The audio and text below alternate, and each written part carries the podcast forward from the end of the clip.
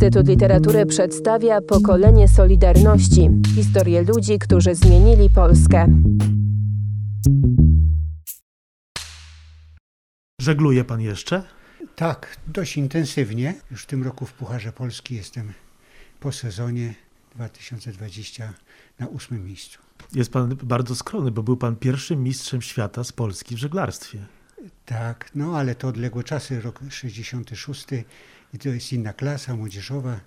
To e, można powiedzieć, no oczywiście żeglarstwo jest to samo, prawda, na tym samym rzecz polega. Potem była olimpiada, był pan olimpijczykiem. Tak, tak, tak. To, 23 to... miejsce, o ile pamiętam, tak? Chyba tak, e, no czy 20, coś koło tego. W każdym bądź razie e, tak, ale to już, był, to już była klasa FIN w Kilonii no nie bardzo mi tam szło, y, ze względu na to, że to były słabe wiatry, a, a nastawiłem się na bardzo silne wiatry i, i można powiedzieć, że stałem się takim specjalistą w Polsce w każdym razie na silnych wiatrach. Y, bardzo dobrze mi to szło. Zresztą były takie prognozy silnego wiatru. Y, rok wcześniej byliśmy na, na takim preolimpiku i cały czas tam wiało, wysoka fala wiało. No i i już w 1972 roku bardzo dobrze mi to szło. No ale co się okazało? Na olimpiadzie prawie nie było wiatru. W tym okresie e, Igrzysk Olimpijskich prawie nie. Wprawdzie był jeden wyścig na silnym wietrze, przypomnę piąty, no ale to mnie absolutnie w niczym nie uratowało. E, była to, można powiedzieć, moja największa życiowa przegrana. Wiem, że pan lubi silne wiatry. Też czytałem Lubiłem. rozmowy tak, z panem, lubiłem. że pan już, lubi. Już dzisiaj nie. Już dzisiaj nie, chociaż to wśród tych seniorów dzisiaj też dobrze sobie radę, mimo że mimo wieku, tak, bo już mam prawie, prawie no, skończone 71 lat i niskiej wagi, tak, bo jednak fin wymaga co najmniej tych 95 kg, ja ważę akurat 72. Nadrabiam to takim trochę sprytem, trochę wiedzą z, z dawnych czasów, także nieźle. Jak to się stało, że pan, pierwszy polski mistrz świata w żeglarstwie, olimpijczyk, wybitny żeglarz, zaangażował się w działalność opozycyjną jeszcze w 70 latach? To jest proces. To myśl, u każdego człowieka to jest proces, dłuższy lub krótszy, ale nasz ojciec był akowcem. Bardzo źle zniósł e, okres okupacji. Mnie osobiście niewiele na ten temat mówił. Niejednokrotnie był tym ruchem oporu zawiedziony. Dlaczego? Nigdy mnie, nigdy mnie o tym nie mówił. Po wojnie, kiedy wyszedł z więzienia, miał bardzo ciężko. Nie mógł dostać pracy, przyzwoitej pracy odpowiadającej jego wykształceniu. Pracował w cegielni. Pamiętam, byłem małym dzieckiem, chodziliśmy czasami tam do ojca. No wtedy to nie rozumiałem, na czym polega. Nie, nie mógł dostać normalnej umysłowej pracy. Musiał ciężko fizycznie pracować.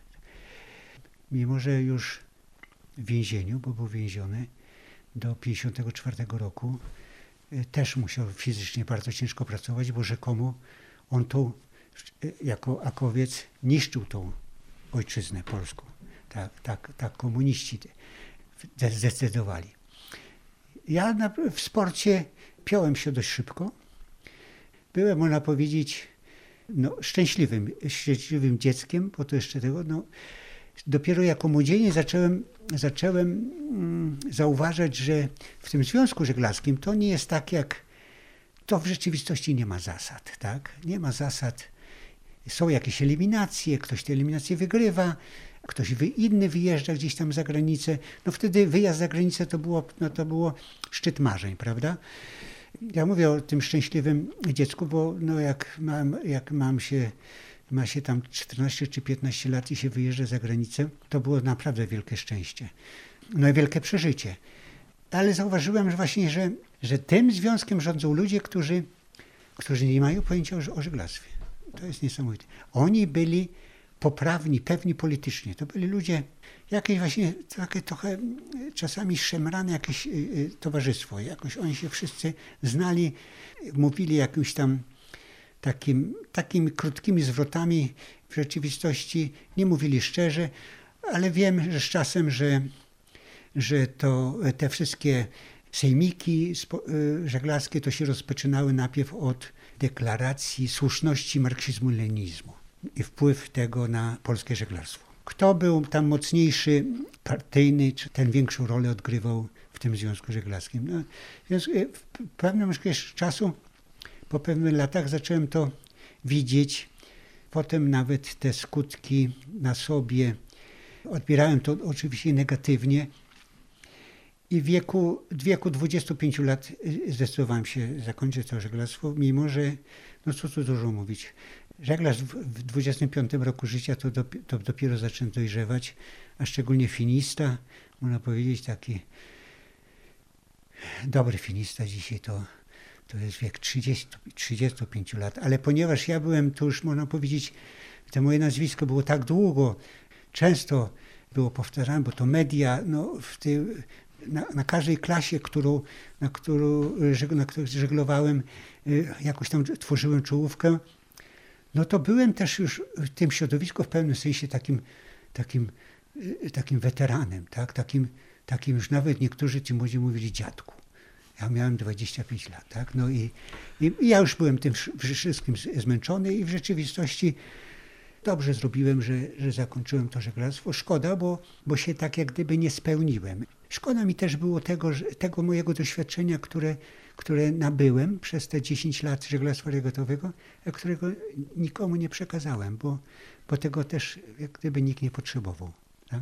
Kończy się, oddaje się łódkę, oddaje się sprzęt, żegna się z kolegami, wchodzi się w inne środowisko i i koniec na tym, tak. No, żeglarstwo nie było takim sportem specjalnie lubianym przez komunistów, bo to jednak zawsze był bardzo elitarny sport, kojarzony z, nie chcę powiedzieć z burżuazyjnym zachodem, tak, ale, ale żeglarz to była taka, taka ta, no, piłka nożna, nie boks, tego typu były pre preferowane przez, przez władze PRL-u. Tak, i, i może dlatego przez tych funkcjonariuszy był, był do końca niezrozumiały. To można powiedzieć jako sposób naukowy niezrozumiały, tak? bo, bo cóż, to, cóż to jest, że jakaś tam taka skorupka ma maszt i kawałek płachty, to dlaczego ona się w ogóle porusza, tak? Albo po, po, jeszcze z wiatrem, to jeszcze można zrozumieć, ale dlaczego ta skorupka ma się poruszać pod wiatr, no to już w ogóle jest jakieś ewenement. Dlatego, e, może dlatego.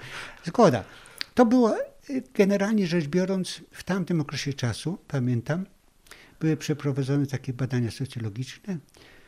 Najbardziej wykształconą grupą to byli w Polsce w tamtym czasie to byli szermierzy.